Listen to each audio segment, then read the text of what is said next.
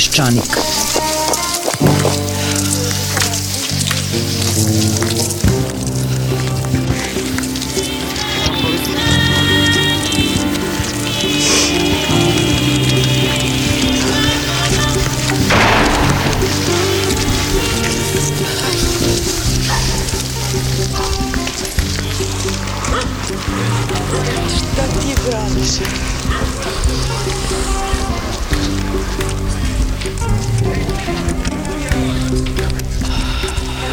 Peščanik.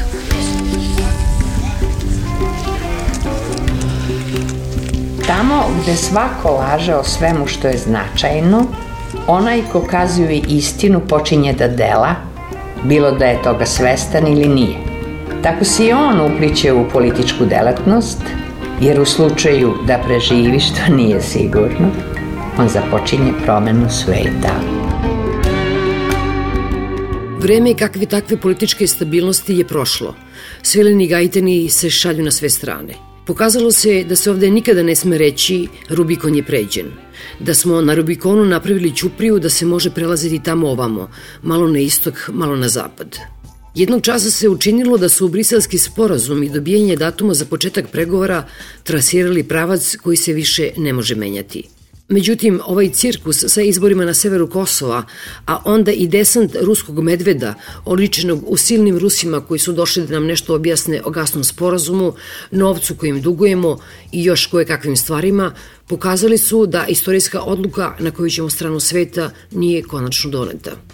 Kada se tome dodaju i panika u Dinkićevim redovima da će završiti sa životom slobodnog građanina zbog poslova koji su u Sjepama i fondovima za razvoj obavljali njegovi japi dečaci, rat između demokrata i LDP-a, Sve to učinilo da su kao kula od karata nestale simfonije ne samo između bivših i sadašnjih koalicijnih partnera, nego i pregovori o saradnji opozicionih stranaka – Međutim, najveći problem je što je započela i osma sednica Srpske napredne stranke, koja se na kraju krajeva jedino može završiti ili oca ubistvom ili povratkom bludnog sina. Ako je to samo borba za tron, a očigledno je da Nikolić nikada stvarno nije abdicirao, to nas se ne bi moralo toliko ticati. Međutim, ako je to sukob između dva puta, puta za Brisel ili Moskvu, onda smo u velikom problemu. Na početku današnjeg pešanika slušate Vesnu Pešić. Počeli smo priču o izborima na severu Kosova. Mi smo stalno bili u statusu čekanja. Bio je taj otvoreni nacionalizam za vreme Miloševića preko ratova, a onda od Koštunice, pa onda je to stabilizovano sa Tadićem, je taj srpski nacionalizam prešao u tu rezidualnu kategoriju, znači mi ne odustajemo od te neke ideje nečeg sve srpskog, pa onda imate onaj ustav, gde mi sad to održavamo u virtualnom stanju Kosovo, ali onda je bilo i to koketiranje sa Republikom Srpskom, tu smo najbolji prijatelji. Tadić sad preuzima, tako da kaže, diplomatsku, mirodopsku, rezidualnu nacionalističku politiku i to je u stvari bila politika čekanja Šta kad su ovi došli? Oni su potpuno te druge probleme. Registrovali, imamo ekonomske, ne znam, bankrot, ne znam, ovo ono, znači ispričali su nam to kako je to sve bilo strašno kod ovih prethodnika, ali su probali znači, da politički se koncentrišu na to pitanje Kosova. Oni su malo bili zaista utišali taj odnos sa Republikom Srpskom, tako da to izgledalo kao da je to smireno i zaista jeste tačno da smo mi malo ušli u taj period koje je Srđe, ja nisam to tad prepoznala, Srđe rekao da jesmo ušli u neku novu epohu, zato što je, čini mi se da je ta izmaglica se nekako rašisila tim briselskim procesom i tom vezom sa tom Evropom. Kako je to u stvari izgledalo? To je izgledalo ovako, što je u toj kampanji sadašnji predsjednik Nikolić je bio obećao da će to kosovsko pitanje koje je demokratska stranka vodila na činovničkom nivou, da će to da se podigne na najviši državni nivo. A šta je najviši državni nivo nego on sam? Naravno, kad predsjednik Nikolić nije hteo da to preuzme, zato što njemu nije bilo baš jasno da to vodi ta kosovska karta, onda su rekli, pa dobro, čemu nam služi sad je premijer? Taj premijer, koga mi zovemo tako, on samo tek može da kreira šta je on. Da, tu ništa nije zapisano. Ti u stvari predsedavaš vladom, a ta vlada vodi politiku četiri godine, a ti vodiš vladu. Predsjednik vlade je postao iz vreme Tita. Iz vreme Milošević to je bio Mirko Marjanović. Pa čekajte, pa nije valjda neko lud da misli da je tu bio premijer Mirko Marjanović. Znači, prvi koji se pojavio kao prvi predsednik vlade koji hoće da vodi tu politiku, to je bio Zoran Đinđić. Sada je da nastavi tu priču. Onda su vidjeli šta ćemo da radimo s tim premijerom. Sa tim Dačićem, mi smo mogli da dođemo na vlast bez njega.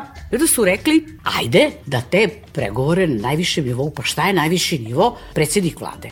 E sad, budući da Dačić sam nije znao šta će da radi u toj vladi, on je počeo da odlazi u te brisede, sastaje tamo sa Tačijem i sa tom Lady Ashton. Odjedan put je Srbija na opšte iznenađenje počeo da dobije velike aplauze odavde. Kad je taj proces počeo, odjedan put je izbila ona afera sa Mišom Bananom, e mora da se ruši ta vlada. A ja lično mislim da je to bio nekak savez tada Mikija Rakića i Vučića, da prosto iz nekih drugih razloga to nekako ruše i tad je mene uvatila ta panika kad se videla Đilasa kako izlazi na televiziju i kaže ova vlada mora da ode, znači izbori odba. Ja kaže čekajte, čekajte, pa kako ćemo sada izbore, počeli smo ovaj kosovski proces, bila da su iz Evropske unije praktično obustavili ceo taj pad vlade, ona još uvek nije dala zeleno svetlo ni za kakve izbore. Pa i ova vlada Beograda koja je nasilno po mišljenju srušena, imate tu retoriku gde ubazujemo sad Vučića koji ide stalno sa tom nekakvom pričom može se bolje. Znači, ta vlast je na silu u Beogradu srušena, a ti izbori su ostaju i dalje neodređeni da li će oni da budu na proleće ili neće da budu na proleće, zato što oni u stvari čekaju da se završi ta prva runda o čemu su sad počeli da pričamo, a to je ta kosovska priča. I sad, zaista ja osjećam neku vrstu nelagodnosti da raskrinkavam tu priču, zato što ne znam ako i sama međunarodna zajednica učestvuje u tome i traži da se to ispovrti i da ne samo to važno zbog nas, nego je to sad važno i zbog njih, da oni imaju nekakav uspeh. Tu hoće i Jelko Kacin i on će sad da čuti sve i svi će oni da prečute sve što oni imaju te informativne podatke o tome kako je to teklo, zato što je njima u interesu da su pokušu u decembru da se uveže nešto u Srbiji, kao nekoj prokletoj Avliji, gde smo mi čuveni po tome, gde se kaže, kad odete kod Engleze, pitate šta znate o Srbiji, pa kažem, znamo da je mala zemlja, ali veoma glasna. Very noisy. e, znači, tog very noisy, ajde da tog malo tamo sad prečvrstimo, da isteramo neki proces, tako da svako otvaranje nekih pitanja tu nekako nije dobro došlo, zato što sad vi ulazite u konflikt i sa tom međunarodnom zajednicom, tako da Kad vi meni postavljate to pitanje kako su prošli ti kosovski izbori, Severno Kosovo je maženo. Oni su bili, smatrali sebe kao deo državne teritorije Srbije, a pored toga oni imali su imali nekakvu i samostalnost, zato što su imali te neke svoje biznismene, gde se vi možete da pretarate neke kamione, imate vi neku samostalnu moć tu. Nije sad da vi totalno baš zavisite sad od Vučića i Dačića, nego imate i neku malu ekonomiju svoju sivu, da imate i neke svoje snage, drugo oni su neke policajce tu stavili, držali sve vreme, a mi smo se s njima spajtarili, pa su oni sad tu malo i naši. E, ti si tu formirao jedan čvrsto orah koji nije tako lako bilo da probiješ, držite se svoje države, pa nemojte da vređate svoju državu, ajte se vi tu nekako popustite. A drugo, sama ta stranka napredna je pre toga pritiskala tu demokratsku stranku, zato što oni su bili glavni kad dođu, znači DSS i oni nisu oni nikad od tih svojih investicija prethodnih odustali. E sad, granicu više da pomeramo ne možemo, ali možemo da napravimo te neki embrion koji se ne zna baš tačno šta je, pa pa neki savez srpskih opština, pa ćemo sada, ja na moje zapanjenje vidim da će neki ustavi zakon, planira predsednik Nikolić da se tu donosi, pošto po ustavu Kosovo ima suštinsku autonomiju, mi u stvari donosimo ustavni zakon da je ta zajednica Srba u stvari autonomija u autonomiji. Gde sad ja vidim da tu, gde će biti baš nekog ni rašišavanja to kosovskog pitanja, da će tu da se stane i da tu nije neki otvoren prolaz do kraja.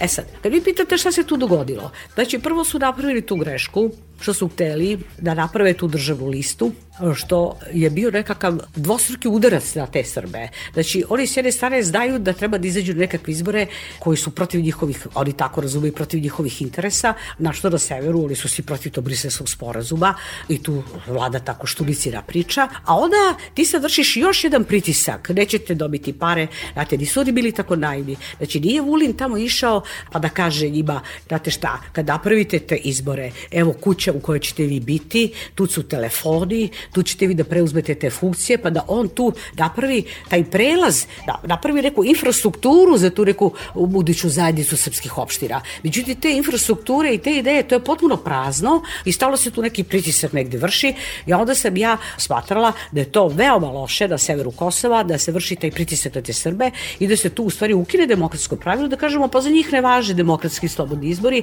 oni imaju 33 liste, ali šta je briga za te 33 liste, nego mi ćemo tu da napravimo državnu listu i da vršimo pritisak sa sve glasa za državnu listu. Tu se u stvari desilo to da je vlast predvidela da tu može da pukne ta priča sa tom državnom listom, da će taj bojkot da uspe, koji je bio organizovalo otvoreno, sve je bilo izlepljeno time. I one su napravili jedan novi scenario nekog izlaska iz te situacije, zato što znaju da moraju i Evropskoj uniji da ispovrte, da, da će se ti izbori ipak održati. Pa sad, ako morate, morate, ali ja mislim da se to ispovrtelo tako, što su oni to organizovali tako, što su poslali nekoliko čuvenih čuvenih ekstremista na Kosovo koji su tamo šetali i napravili tu jednu izbaglicu, a onda su slikom, to smo videli svi na televiziji, poslali i žandarmeriju. Poslali su tog Dikića, pa onda se desila neka afera sa nekakvim, pa na kraju je ispalo to da su oni morali da njega smaknu tog Dikića sa tog mesta I to ekspres, Dačić će to prihvatio.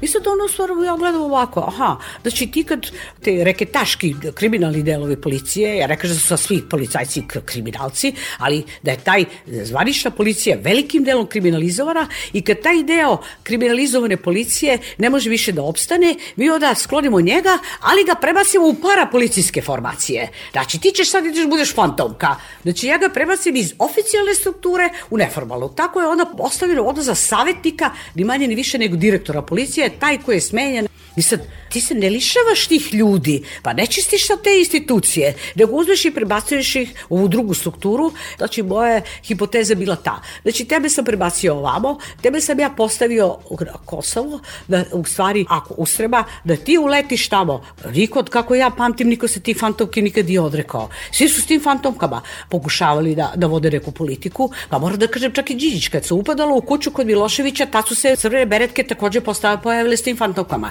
A onda smo imali fantomke posle toga, kad je bilo paljenje Masada, pa onda smo videli kod ja, Jarinja Boris Tadić, sve su to pisao o tome na pešeniku, nije to ništa za nas novo, kad smo videli te sa fantomkama, e, da vam kažem, oni čak ne moraju da budu uvoz iz Beograda. E sad imamo tu priču, znamo da to sve postoji na Kosovu, imate te svoje ljude, na čim sam videla fantomke, ja sam, što stavljaš tu fantomku?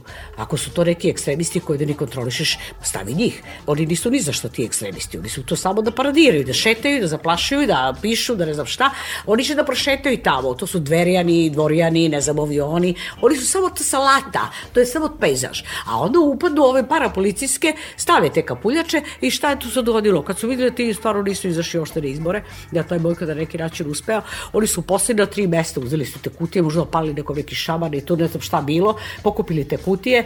E sad, odmah se izašao s tim da će da traže ponovljenje izbore na tim mestima. Jasna stvar je bila da će se to prihvatiti, zato što niti Evropskoj, niti Tačiju, niti Dačiću, niti znači, vlasti Dačić Vučić oko cele te stvari, niti se njima isplati sada da tu neko obelodanjuje šta se tu stvari dogodilo. Možda su isplanirali svi zajedno to. Onda se pojavila još ne jedan nadintriga u celoj toj priči, šta ti 45 minuta? To je samo bila reklama. To se već odigralo. To je već bilo postavljeno dole da se odigra. Pa kad se odigravalo, on je rekao, pustite me 45. Pa šta da te puste kad si već tamo? Znači, ako ti tako pročitaš tu priču, onda ja uvek se onda upišem u nekakve ekstremiste. Samo ona mora to da smisli tu ekstremnu priču. E sad, ja naravno ne držim do nje. Oni su sada dobili taj izlaz. Oni će sad ponovo probati to 17. novembra, što je sad u nedelju. Oni su sada počeli Albanci da pomažu, jer oni neće da dođe tamo Albana, zato što šta ćemo sad da radimo sa tim tamo neki incidenti da se prave, e, zato što su izačili tačno da je to, na primjer, 1855 Srba koji tu treba samo da izađu na te izbore. Znači, i Albanci su izračunali koliko tačno Srba treba da izađe da ne bi bio albanski gradonačelnik. E sad, pošto su izračunali tačno taj broj, ja se onda nadam da će li da skupe taj broj. E sad, niti meni pada na pamet da to rušim, da se to istera, pa dobro, ako smo krenuli, daj po sad svaku cenu, ja evo to podržavam, evo, idemo, sve znam što se dešava, ali šta ste da radim? Da izguramo to do tog januara, da se otvore ti pregovori, već u februaru ne znamo šta će da se događa. I to će da bude neka druga runda. Ovo nam je sve jasno, ovo što se tu odigralo, ali hoćemo da završimo taj proces, da ta jedina politika koja se tu vodi stigne do nekakvog kraja. Zašto smo mi sad ovoliko posvetili pitanje ovome što se dešavalo na Kosovu? Zato što to jeste u stvari bila jedina politika koja se tu odvija. A sve drugo, ja ne vidim da je uopšte više u nekoj političkoj sferi, sve se drugo odvija u jednom ogromnom naletu potpuno ličnih odnosa. I to sad karakteriše ovu vlast. Ja sam u ovoj knjizi pokušao da pokažem da iza tih institucija, reformi, zakona i tako dalje je stajao jedan lična vlast Borisa Tadića koja to bušila iz pozadine. A sada je to postala jedina igra u gradu. Od tuda ta ogromna i podrška, ja tako objašnjavam. Mi smo sa svim pali na to, ličnost će da nas spase. To je ličnost Aleksandra Vučića. I on se krajnje lično ponaša, sve što govori potpuno je lično. Nego on se okružuje preko ličnih odnosa. Kako da kažem, meni se čini ovako, da su nas problemi sad u Srbiji potpuno prevazišli. I sad tu nastaje jedan interesantan zaplet. Što je to ličnije i što je više se igra na kartu da će sad opet jedna ličnost da raspase, ko neki novi vođa, što malo izgleda komično, svi to znamo da to ne funkcioniše. Ali, znači problemi su postali ogoljeniji, a s druge strane taj deo naših državnih i društvenih resursa su se potpuno istaljili. Tako da mi u stvari ne vidimo nikakvu ekipu. Ako ne volimo ove, a ne volimo, ne volimo u stvari nikoga, a jel možemo i da smislimo uopšte neku ekipu? A nema više te ekipe. I sad kad su videli da su ti problemi toliko nerešivi, toliko ogromni, da su svi digli ruke i kažu, pa ajmo mi kod tog lično. E, Acika, dobar dan. Evo, ja sam taj, ne možete mi nešto pomogneš, ne mogu ja to nešto da radim. Ajmo kod tebe. Tektonski su problemi i on viče to, ne mogu, teško mi je, ogromni su problemi.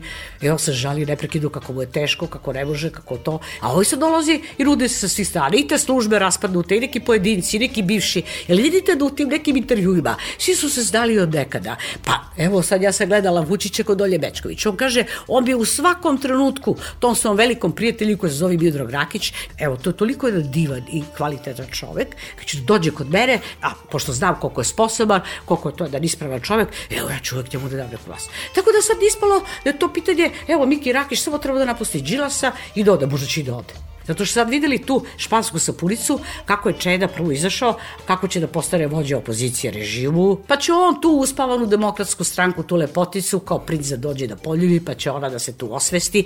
I onda je nared, kad je dobio poruku s druge strane, za šta? Šta radiš tom uspavanom lepoticom? Mi smo ovde živi i zdravi, doći ti kod mene. E, I kad je to čuo tu poruku, onda on igrao i on taj scenario napravio, pa rekao, pravit ćemo novu stranku od početka. I kažu, pa čekaj, nismo zvikali, to, to je priča. E pa kad niste to, e pa kad to ne može, doviđenja ja, e, odo ja i čao. Kad je on to uradio, osade demokratska stranka sada se brani, zašto niste pravili tu novu stranku? Pa čekaj, pa što da pravi tu novu stranku? Sad ona se brani i ne zna što da radi, a onda ne samo što se opredelili do kod Vučića, nego sada mora Čeda i da ispljuje tu demokratsku stranku. Pa nećemo mi sa vama, vi se tamo neka trulež, nešto, sad ćemo mi vas da šminkamo tog mrtvaca, znate njegove te termine. E sad, zašto je to tako? Pa i ja tako. Zato što ako je ta politika svedena na taj mali preostali deo, ako smo ovde zaplivali navalu tih nekakvih ličnih odnosa, onda je postalo jedino važno šta ko kaže. Na svim emisijama se istražuje, evo danas gledam Vladimira Todorića, šta je rekao Tadić Dinu.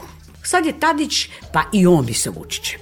Znači, kad nema politike, a vidite, bilo koju definiciju politike da uzmete, znači od Hopsa pa nadalje, preko Karla Šmita, bilo koga, znači svi smatraju da taj rez između javnog i privatnog, koji je napravljen kao osnova nekakve moderne i modernog društva, znači ta linija gde su strasti, slobodni pojedinci koji trče za svojim nekim interesima i tako dalje i dozvoljenimo da se ponašaju strasno, zato što su oni slobodni pojedinci u modernom društvu. Ali, Ono što je sada sa druge strane njih, to je sada ta javna sfera, u centru toga je ta država, ali tu sad imamo da se ponašamo u skladu gde privatno mora da se izbaci. Znači, privatno, lično, tu nema nikakve veze. To mora da bude jedan mehanizam gde ja uđem, gde je to sve sređeno. Kancelarka Merkel kad dobije izbore, ona sedne u jedan auto jer u državu gde zna gde su kočnice, gde je ovo, gde je ono, a ovde niko ništa ne zna. Znači ti si u stvari taj instrument pretvorio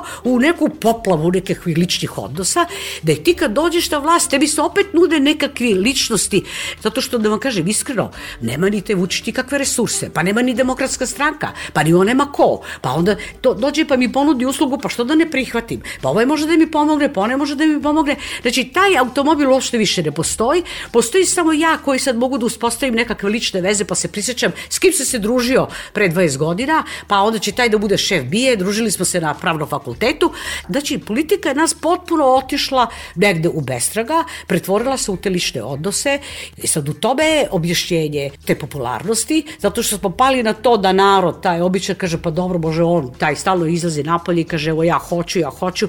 I sad kaže, možda je stvarno neka ličnost da nas spase. Drugo, ovi koji su u politici, rekao, pa čekaj, pa nisam ni ja blesav. Pa što da ja gubim neko vreme kad ovde s ove strane više nema ništa, a nemam resurse, nemam ni ja šta da ponudim. Pa čekaj, kad ja ne mogu to da rešim, pa ajmo i mi kod to Vučića. I sada su u stvari potpuno nestali to opozicija, E sad, ako vi imate poplavu tih ličnih odnosa, onda će tu dominiraju te strasti i onda kad vi to pustite, dobijemo u praksi tog prijatelja i neprijatelja. Znači, ili ćeš da budeš obožavac pa da slediš, pošto su to neki lični odnosi, ili si ti moj neprijatelj. Tako da, ovde sad imate jednu politiku koja kad se svela na to lično i na tu u stvari virtualnu državu, koja u stvari ne postoji, E sada moramo da očekujemo veću količinu nasilja. Lično je strastveno, zato što pojam neprijateljstva je iz lične sfere.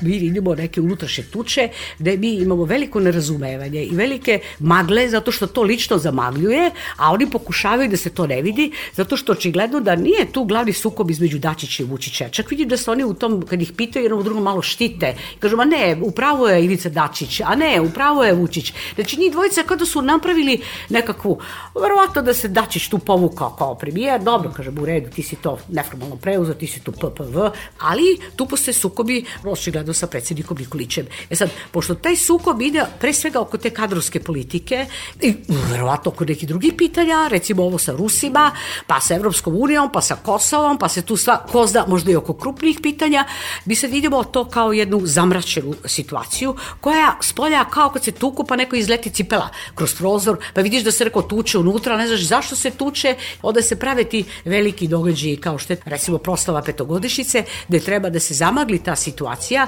ali ja mislim da tu postoji jedno veoma opasno državne stanje koje iznutra su ogromni sukobi i sa, izgleda da ni oni ne znaju gde je njima samima spas. Pa je spas u priči da mi pričamo da su oni moćni. I sad da vam kažem, tako ja i sad i sama sebe vidim kako plivam po tome. Zato mi u stvari se bavimo samo intrigama. I zato mi ne vidimo sad nikakav izlaz iz toga. Kako se iz tog mora ličnog izlazi? Kako se izlazi iz te virtualne vlasti? A to i nije prava vlast. Prava je vlast ono kad ti možeš da pošalješ svoju policiju da raščisti tamo to, a ti ne možeš u stvari ništa to javno da uradiš. Ti moraš to da radiš stalo ispod kreveta, da vadiš teke, stavljaš fantomke, ne znam ovo ono, i da zamučuješ tu scenu, jer ne možeš isto formalno da uradiš. Znači, to nije u stvari moć, to je antimoć. A mi pričamo kako to je velika moć. E sad, kad smo sad to napravili, tu veliku moć preko te priče, to je neka lična moć, mi se više nemamo gde. I sad svi kažu, pa dobro, ajde, dignemo noge na sto, pa da čekamo nekakav raspad, pošto više ništa od nas ne zavisi. Ja imam takav neki osjećaj da mi možemo i dalje iz neke lične strasti, da ako kažem da se bavimo politikom, da pričamo o tome, smo se navikli na to, pa se interesuju ti zapleti, pa da vidimo dokle smo stigli, ali nema više te priče od tog pojedinačnog više ne stignete u tu opštu sferu. Ako to ne može da referira opšte, ako mora da ide na pojedinačno, vi nemate više politiku. Ako ja sad treba treba da se svedem na to, da počnem njih lično da komentarišem i onda moram da čutim. Nemam razloga da ulazim u neki lični sad sukob sa nekim. I onda ljudi koji bi imali nešto da kažu, ali u stvari nemaju šta da kažu. Zato što ili će da budu lični, ili će da čute. Jedno od opštih mesta je da Aleksandar Vučić uspostavlja ličnu vlast. Međutim, kad ste upravo pomenuli ovaj intervju koji je dao pre neki dan i, i sve vremena vreme kako gledam, mm. kad isključim ton, ima se utisak da je čovjek u panici, znači mu ničemu ne vlada. Ne vlada Jeste, ni, pa to vam ja kažem. Pa da, e sad ja i njega potpuno razumem. Sad, on tuče po ovim prethodnicima, zato što kaže, pa znate šta, ovo se sad sve kao vi, a ja treba da rešavam. I kao to je sad nekakva velika nepravda. I sad kaže, pa kako sam ja to bre došao na vlast i ovoliku moć imam, pa niko živi ne može te probleme da reši. A se svi očekuju da ja rešavam te probleme. E sad, Ja bi, na primjer, savjetovala njemu, kad bi bila neka draga saveta. Ajde da vidimo šta od tih tektonskih problema, koji su ogromni, a resursi su se ispraznili, a šta od toga bi moglo da se vrati ovim građanima koji su pretrpeli sve te saše destrukcije, ako smo to sve pretrpeli, je li ima nešto što može da nam se vrati, a da nisu strani investitori? Je li mi možemo nešto da uradimo da nam vratite nešto, a što možete vi da uradite? Znači, mi možemo samo da gledamo da se spasavamo nekako, da ne potonemo totalno, da se sve te milijarde koje se tu duga gomilaju, da se ne svale na naša pleća, pa da buknu se banke, pa da u ne, opet neke, neku katastrofu, pa da se to drži čama se rupe koje tu postoje. Znači, ja to potpuno razumem, ali to što sam počela da govorim, ja verujem da postoje niz tih problema, da bi mi prihvatili da smo sad u tom ekonomski probušenom čancu, pa da se možda tu konsolidujemo za ne znam koliko godina. Ali, možemo stvarno da vratimo tim redom, što ćemo to što ne može u stvari niko da ti uradi. Sredi malo tu državu, daj radi tu administraciju, pa zašto da svako ko je na sudu čeka 10 godina? Ajde sad vi počite da nas vratate, vraćate isto haosa u nekakav poredak, pa i u saobraćaju, u svemu, u gradu, u ovome, u čistoći, u, da me niko više ne maltretira, a to zavisi nekako od vas. Da znamo da ta naša država se sređuje, ali da počne da ti sređuješ državu. To znači da ti više kao država neće da činiš krivična dela. Ako ja pročitam u novinama da 70% zakona koje Srbija donese, nijedan zakon se ne primenjuje, pa ako ćeš ti meni da kažeš da nemamo čega da živim, a još ću da živi u totalnom bezakonju, u nekih sad još i ličnih odnosa da svako može da me klepi po glavi, da ćemo sad uđemo u neki rat svih proti sviju, pa daj vrati mi preko tog reda. Ako ja vidim da ti preko toga meni vraćaš i da ograničavaš tu vlast, ja mogu da poverujem da će stvarno i ta ekonomska situacija da se popravi. Stalno čitamo neki 66 tih birokratskih propisa koji treba da se sklone, još uvek niko ti 66 ne sklanja. Znači mi kao građani nismo tako tupavi. Mi možemo da vidimo da ti može da vraćaš i preko onoga što ti može da uradiš. Međutim, mi to ne vidimo i to je sad problem. Ja sam sa svim tim ljudima, i to ja ne krijem uopšte, ja sam svim tim ljudima razgovarala i uvek sam i to pokušala da kaže. Vi imate šansu da sada, ako ste na toj vlasti, da probate da sređujete to samo tu vlast, tu gde ste vi. Da, ajde napravite tu negde neki red, ograničite se negde, napravite tu policiju da me štiti, a ne da ta policija može da uvadi to jagod, imate neke dve policije, jednu ovu, drugu onu, pa ukinite ovu drugu policiju. Ajte da jako građani postane sigurni. Znači, ima tu prostor prostora da mi njima savjetujemo, pa sad je valjda, kad smo došli do toga da nemamo čega da živimo, da može ta vlast sad malo da se stavi u neke okvire, pa da počnete da vraćate sa ove druge strane koje možete. Ako ti kažeš sada, do sada ste čuli to što se radilo i ti prethodnici svi mogući uključujući i mene, ali od sada će pravila da budu ovakva. Ono što zbunjuje kod Vučića, on ima jednu pretenziju ka tom nekom diskontinuitetu, a On sad stalno hoće, prethodnici su, a ja, prethodnici su ja. Čekaj, a gde su ta nova pravila? Ja sam videla da se tu i pričalo na vreme novo nova politika za novo doba, recimo Dačić. To se potpuno izlapelo. Znači, čak taj momentum koji je tu postojao, gde si ti sa ovim Kosovom što radio, si imao taj momentum da kažeš, aha, za novo vreme nova politika, ajde da probam da to formulišem, to je potpuno nestalo. To kad govorimo o tom prodoru tog ličnog u politiku, u centar politike to je uvek država. Sada, ako mi imamo takve tektonske sukobe unutar države, da mi kao građani ili kao politika šira ne možemo uopšte da intervenišemo, ona ta šema, prijatelj, neprijatelj, ako je neprijateljstvo u centru savete države, što se možda vidi po ovom zabraćenom problemu naših odnosa sa Rusijom i to što tu tek ne možemo da otkrijemo šta se tu sve dešava, ako je taj problem znači u samom centru te države, a otklonjene su sve institucionalne mogućnosti da se to institucionalno nekako rešava, nego imamo sad lične odnose između nekakvih lidera unutar te države, ja to nazivam sada nekom vrstom političkog radikalizma. Znači, nismo mi više u nacionalnom radikalizmu, zato što taj prijatelj, neprijatelj, ta šema može da bude pitanje kolektiviteta. I to je bila Šešeljevska politika, a ovo je sada neka druga vrsta političkog radikalizma koji nije više baziran na tome, ali iza tog političkog radikalizma mogu uvek da se prikriju ti stari problemi koji nikad nisu do kraja rašišćeni. Oni mogu da idu preko tog radikalizma sada i da se ponovo na neki način tu uvuku kao nekakva ideološka komponenta, iako se ona praktično praktično gubi, ali izgleda da neki tu ne odustaju možda je moja prevođenje toga što ste rekli pogrešno na tenzijama koje se vide upravo preko Gazproma da. i preko Rusije između Nikolića da. i Vučića, jer predsednik Nikolić je sobstvenu vladu kritikovao, predsednik Nikolić redovno ima sastanke sa patrijarhom koji je takođe u Moskvi da. imao velikih primedaba na okretanje Srbije prema zapadu. Tu je sada taj e, dodatni naš zaplet koju sad mi tu vidimo.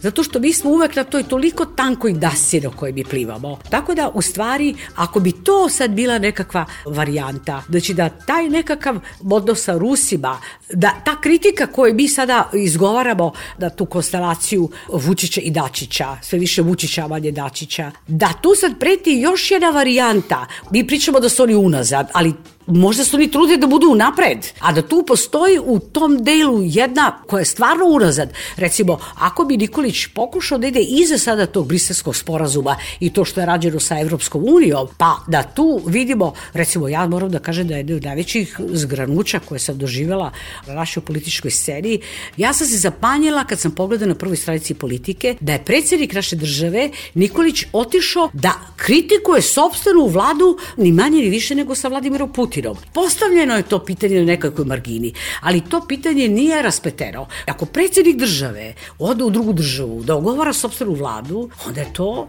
neka vrsta zavere za mene. Znači ti praviš neku zaveru protiv sobstvene vlade. E sad za nas je još teže da se tu opredeljujemo šta mi tu da radimo kao nekakvi posmatrači i kao neko ko želi da zna gde živi, ako i ta je nekakva zavera postoji sa druge strane, a znamo da tu snage su nikad nisu otklonjene, da se ta crkva nikad nije promenila, da će ona pod velikim pritiskom da pozove Srbe da izađe na Kosovo, sutra da će da kaže da bez Kosova da Evropa za nas ništa, a da je srce naše na Kosovu. Znači, ako taj zaplet mi nismo u stvari rasplili, a živili smo iluziju da smo ga rasplili, da ta jedina politika o kojoj sam govorila, o čemu imalo smisla da se uopšte govori, ako i to je u stvari nije ta daska na kojoj smo vodili nekakvu politiku, nego će to možda da se sruši u tom poslednjem momentu, a to je sad dovedeno takođe u pitanje sa ovim intervjuom intervju koji je dao Bačević sa otvaranjem ovog Gazproma, sa tog sukoba sa Rusima.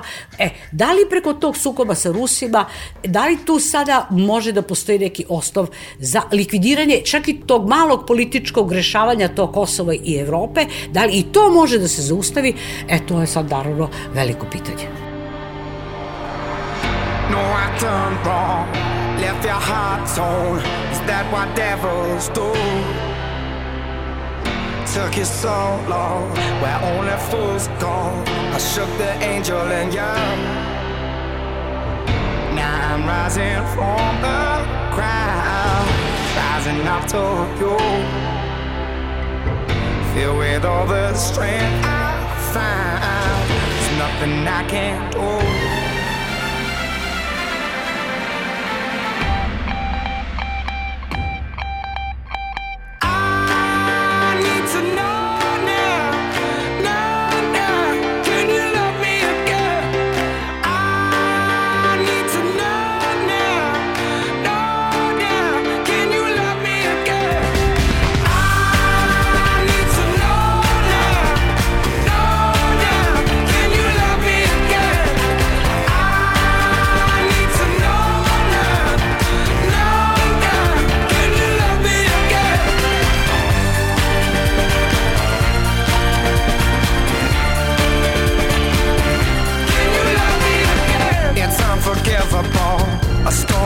Is that what demons do?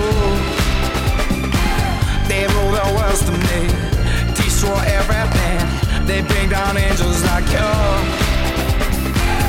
Now I'm rising from the ground, rising up to you. Filled with all the strength.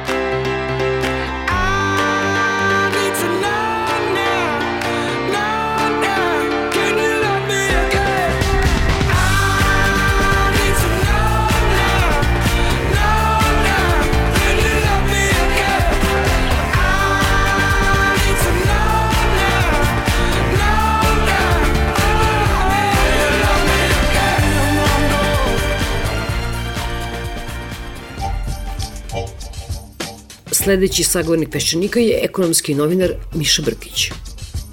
Vrlo je zanimljivo sve što se u posljednjih recimo dva meseca događa u odnosima Beograda i Moskve. Sećaš se da je pre jedno dva meseca patrijarh bio u Rusiji, pa je tamo olajavao srpsko rukovodstvo da je prozapadno i da ne vodi računa o bratskim odnosima sa pravoslavnom Rusijom. I taman kad je ono pala prašina na to, onda ode predsjednik države i gotovo istom argumentacijom napadne srpsku vladu za razna nepočinstva vezana za e, energetski sporazum koji Srbija ima sa Rusijom i za status naftne industrije Srbije koja je u sastavu Gazproma, odnosno Gazprom njefta. I onda smo mi saznali da je srpska vlada spremila neki program rada kad je nisu u pitanju da bi trebalo da bude više srpskih kadrova u toj firmi. I onda u stvari saznamo da ima nekakav rat koji traje između dva suvlasnika naftne industrije Srbije države Srbije, odnosno vlade i Gazprom njefta kao drugog partnera. A na toj liniji permanentna napetost, da ne upotrebim drugu reč, između ministarke energetike Mihajlović i Zorane i Bajatovića. Ja bi sad polako, da, prevodio tu ekonomsku priču zapravo na politički teren. Iz eh, izjava patrijarha i predsednika vidi se da postoji neka vrsta političkog nezadovoljstva dela srpske političke verske i ne znam koje sve elite, društvene, kad je u pitanju odnos Srbije prema Rusiji, odnosno ove vlade prema Rusiji, odnosno po nečijem tumačenju prevelikog okretanja Srbije zapadu i zapadnim partnerima. U to spada i taj sukob koji navodno postoji između ministarke energetike i direktora Srbija Gasa, Poznato je da je direktor Srbija Gasa čovjek koji uživa apsolutnu i nepodeljenu podršku generalnog direktora Gazproma Alekseja Millera i da je direktor Srbija Gasa kako bih rekao, zakucana veličina u Srbiji, dakle zakucana funkcija. Nemoguće ga je smeniti u domaćim razmerama ako to ruska strana ne dozvoljava. I ministarka energetike je poslužila kao dobra meta najbliža saradnica prvog potpredsjednika vlade Aleksandra Vučića i čoveka koga zagovornici saradnje Srbije i Rusije smatraju ključnim čovekom koji okreće Srbiju prema zapadu.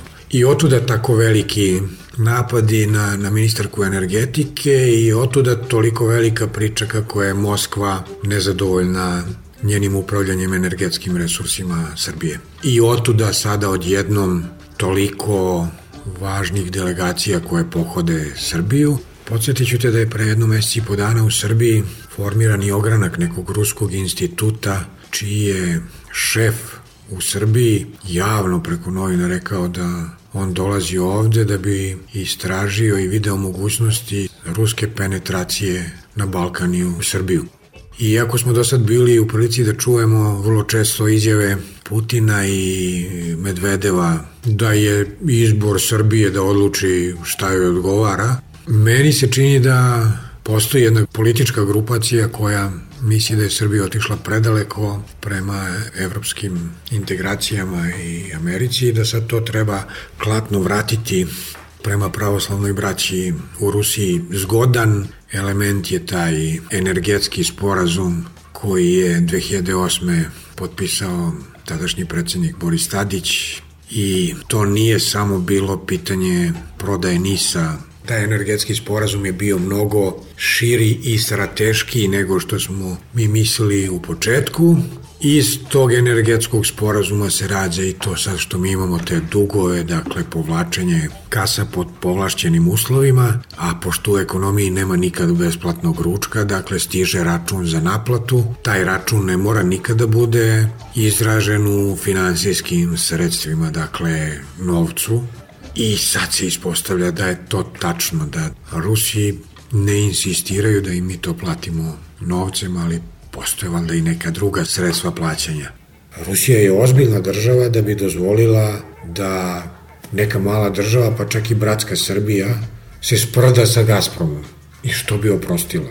I ako oprosti, ja bi se debelo zapitao šta su kontra garancije kad ti tako velika država oprosti dug, a da ne saznaš a čime smo to platili, kojom vrstom nezavisnosti tako važne nekim ljudima u ovoj državi kad je Evropska unija u pitanju. tu imamo i suverenitet. I mi smo država koja ne može, s njom da se tek tako razgovara. A onda kad dođe Gazprom i Šojgu i Miller, mi ga manje od makovog zrna. Evo sve što hoćete, samo nemojte da, da nas bacite u ropstvo. Prvi potpredsjednik vlade ima taj problem i taj problem mu je belodano stavljen do znanja udarom na, na ministarku i udarom na odluku vlade na program vlade da nešto promeni u, nisu u svoju korist, u korist države Srbije. Taj pokušaj je propao. Odustali su od toga, verovatno taktičko odustajanje, da se sad taj udar ne bi tako proširio da bi ministarka morala da odleti sa funkcije, a ona je koliko razumem i potpredsednik Srpske napredne stranke, dakle važna figura i u stranačkoj hijerarhiji, ali i u državnoj u vladinoj hijerarhiji i to što su je u Moskvi nazvali antiruskim elementom nije ni malo prijatna stvar usedeti u vladi s tom kvalifikacijom. Što se tiče tog južnog toka, ja mislim da s pravom postoji nezadovoljstvo u javnosti, javnosti koja ukazuje na činjenicu da su sve druge članice tog konzorcijuma države pravile mnogo povoljnije aranžmane za izgradnju gasovoda kroz njihove teritorije i njihove zemlje. Jedino Srbija ima tu, kako bih rekao, dosta jedan minoran položaj u nekakvoj vazalskoj ulozi kad je južni tok u pitanju. Misliš na Bugarsku, recimo? Najpre na Bugarsku, da. Kako bih rekao, mnogo je stvari otvoreno, mnogo priča nije zatvoreno i mi samo na osnovu ajde da kažemo ovako, pojedinačnih detalja, izjava patrijarha pa izvojava predsednika, pa napadi na ministarku energetike, pa onda hitni dolazak, zakazivanje početka izgradnje južnog toka, sve one dozvole građevinske i komunalne koje nisu dve godine ili pet godina nisu izdavane, sad odjedno za tri dana će biti sve... Da, sve da, to je rekao ministar. Da, da, bit će date sve za tri dana, gotovo je, počinje izgradnja, ali za nas je, ajde da kažem, koliko je dobra vest, počinje da se gradi Južni tok i računamo da će biti završen ako počinje i da će biti potrošeno toliko para i da će doneti gas Srbiji. Važna činjenica je ta politička činjenica da se u Srbiji konstituisao jedan potpuno zaokružen, da kažem, ruski blok u kome egzistiraju delovi vladajućih partija, pritom mislim na predsjednika države, mislim na socijalističku partiju Srbije i njenog lidera Ivicu Dačića kao tradicionalne prijatelje. U toj partiji inače ima važnih ruskih ljudi, kao što recimo Petar Škundrić pa i Dušan Bajatović. Ali i drugi delovi srpskog društva, delovi kulture, intelektualni krugovi koji naginju ka toj istočnjačkoj varijanti Srbije i njenom iskoraku na, na istok, a ne na zapad. I taj blok proruski koji se profilisao u Srbiji postaje i ozbiljan blok protivnika reformi, najavljenih reformi, ekonomskih reformi i završetka tranzicije u Srbiji. Od onog trenutka kad je izgovoreno samo R od reformi, već se formirao jedan antireformski blok koji se slučajno ili ne poklapa sa ovim ruskim blokom. Istina, ovaj antireformski je nešto širi. Ima tu još nekih slojeva stanovništva, neke klijentele koja je do sada dobro živela na državnim jaslama i koja želi da sačuva privilegije koje je do sada imala. Tako da, ako Vučić kao najmoćniji političar u Srbiji namerava da sprovede reforme o kojima toliko priča. Suočit će se i već se suočava sa ozbiljnim protivnicima. Dakle, ima ih u svojoj stranci, ima ih u vladi, koalicijni partneri nisu naklonjeni tako radikalnim rezovima kakve najavljuju dva ministra, privrede i financija. Tu pre svega mislim na ovaj blok okupljen oko socijalističke partije Ivice Dačića, tu ima još Kako Babić i Dragan Marković sa jedinstvenom Srbijom. Ima jak sindikalni front protiv reformi i ima još nekoliko društvenih skupina koje bi da sačuvaju stečene pozicije i stečena prava i da ih odbrane po cenu da država propadne, odnosno da Srbija finansijski propadne. Po naznakama po ljudima koji se dovode kao konsultanti da rade za vladu, ja bih stekao utisak da je finansijska slika toliko katastrofalna da ako se ništa ne promeni, Srbija bi možda iduće godine morala da pred međunarodnim kreditorima prizna da nije sposobna da vraća dugove. To je Grčka uradila u nekom smislu, ali najeklatantniji primer je primer s kraja 80. početka 90. godina u Argentini, Srbija je blizu toga i negde po nekim polurečenicama, poluizjavama stiče se utisak da se pravi strategija pregovora sa međunarodnim poveriocima, da deo duga bude otpisan. Ja mislim da bi to mogao da bude manji deo otpisan, da jedan deo, veći deo bude reprogramiran, a da jedan deo dugova bude zamenjen za vlasništvo u Srbiji. Mnoge banke kod kojih je Srbija uzimala kredite, i koje neće moći da im vrate, mogla bi da te kredite proda nekim kompanijama koje za uzvrat za tu sumu novca mogu od Srbije da uzmu neki javni resurs, pre svega u rudnom bogatstvu, s sirovinama, dakle neki rudnik, pa onda eksploatišu neke metale ili recimo tako nešto. Mislim da je i Dominik Strauss-Kahn doveden kao čovjek koji ima iskustvo i pristup tim, kako bih rekao, zna alatke za tu vrstu pregovora. Da li će ova vlast moći da prođe kroz taj klanac i da sačuva državu neoštećenu, ja mislim da je to gotovo nemoguće. Da smo mi sad u takvoj situaciji da je to nemoguće. Mi određenu cenu mora platiti i neoštećeni ne možemo da iz toga izađemo. Gledam po projekcijama ovo što je do sada objavljeno u budžetu i namerama u budžetu za iduću godinu. Ako budemo imali 1% rast, to je fenomenalno. A ako bude nula, mi smo ušli u recesiju. Od zapošljavanja nema ništa. Milion nezaposlenih. Iduće godine se neće smanjiti. Teško da će se smanjiti i 2015. 2025. da. Evo ti to podsticanje razvoja u posljednjih ne više od tri, ajde četiri godine. U poslednjih šest meseci propale su tri državne banke, u najavi su još jedna ili dve da će propasti. Državne banke kojima su upravljale političke partije koje su vladale ovom državom. Neki od njih i sad vladaju.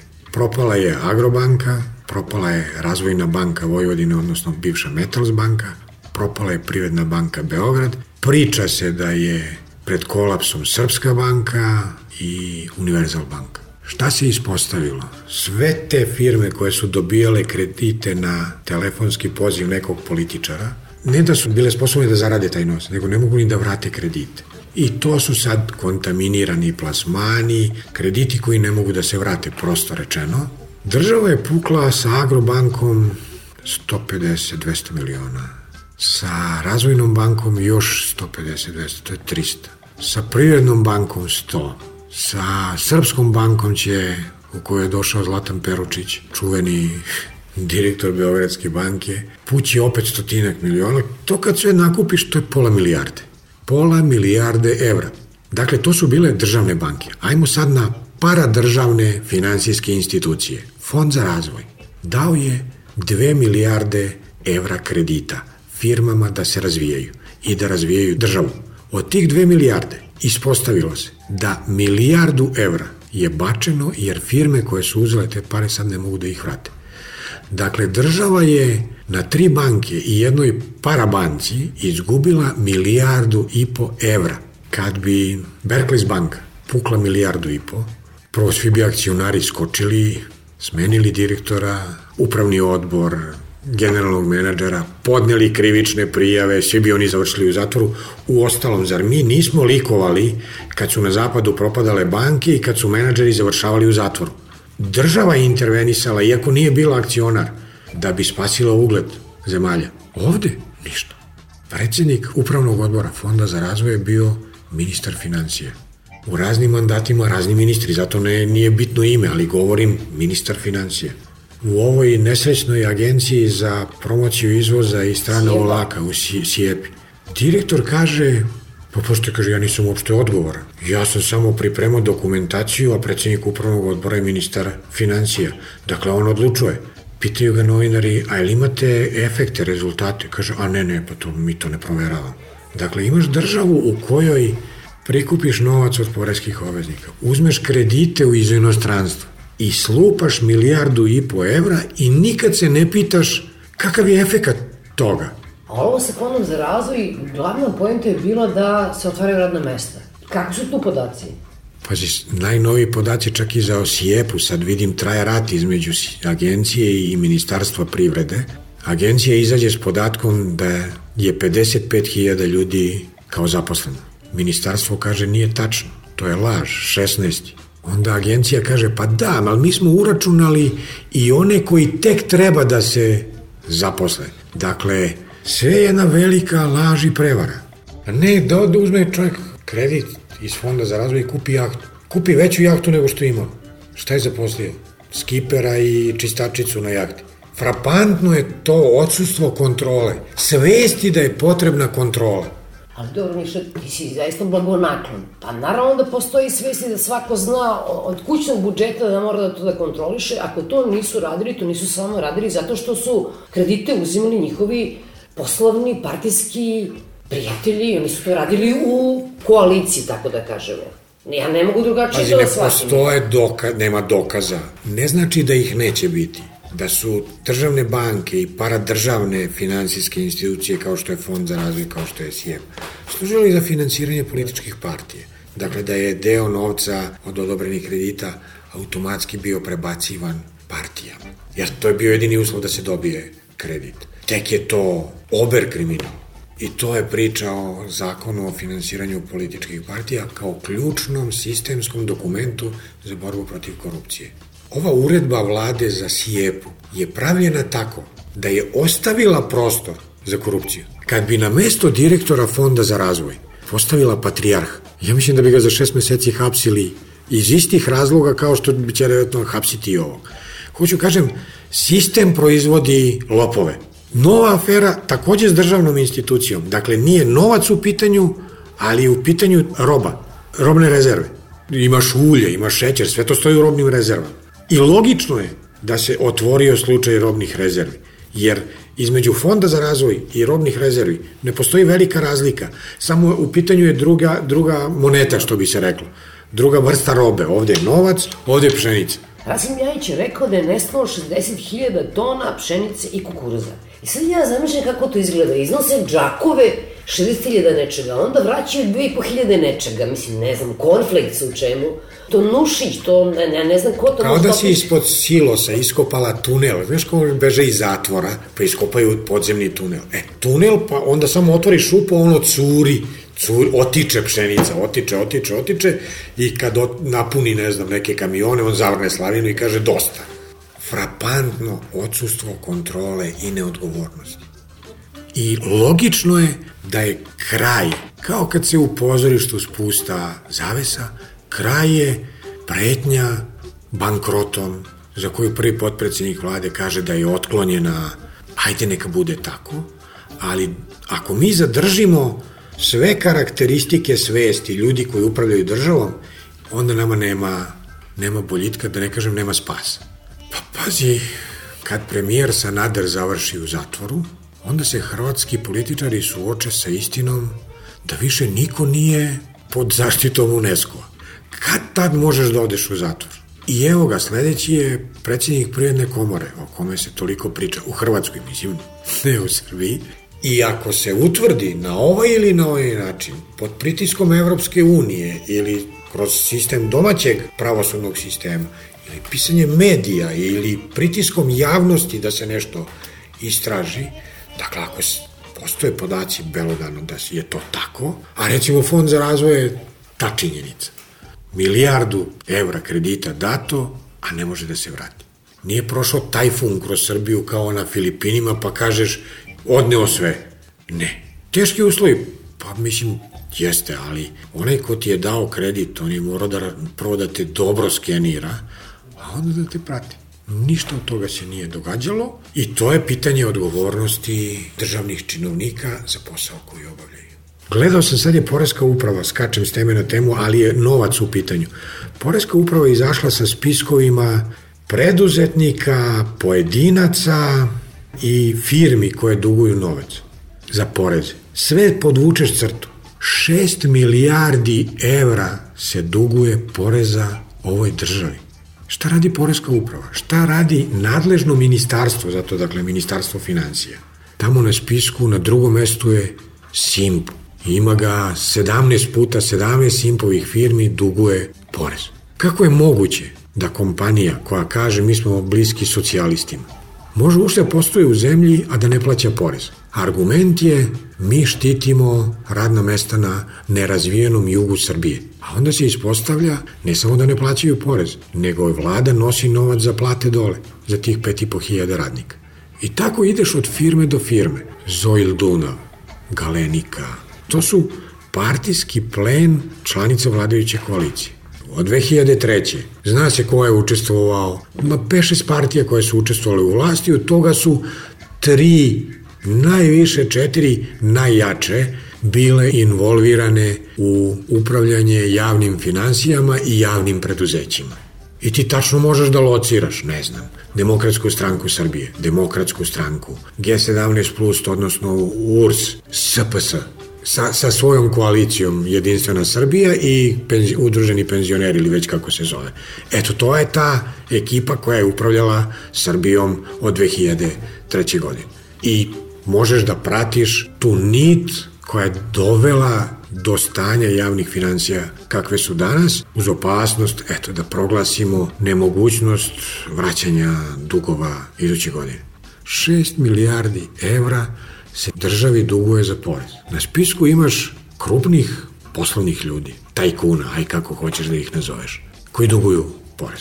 I koji bez trunke zadrške učestvuju na javnoj sceni u javnom dijalogu. Elementarno je vaspitanje. Ako ti nisi rešio te dužničko-poverilačke odnose sa državom, pa malo je sramota da ti sad nekome deliš lekcije ili da nekog napadaš ili da nekog hvališ. Tako da dopada mi se pokušaj, ja ne znam da li će uspeti, ovih ekonomskih ministara da dovedu u red to što se zove javne financije.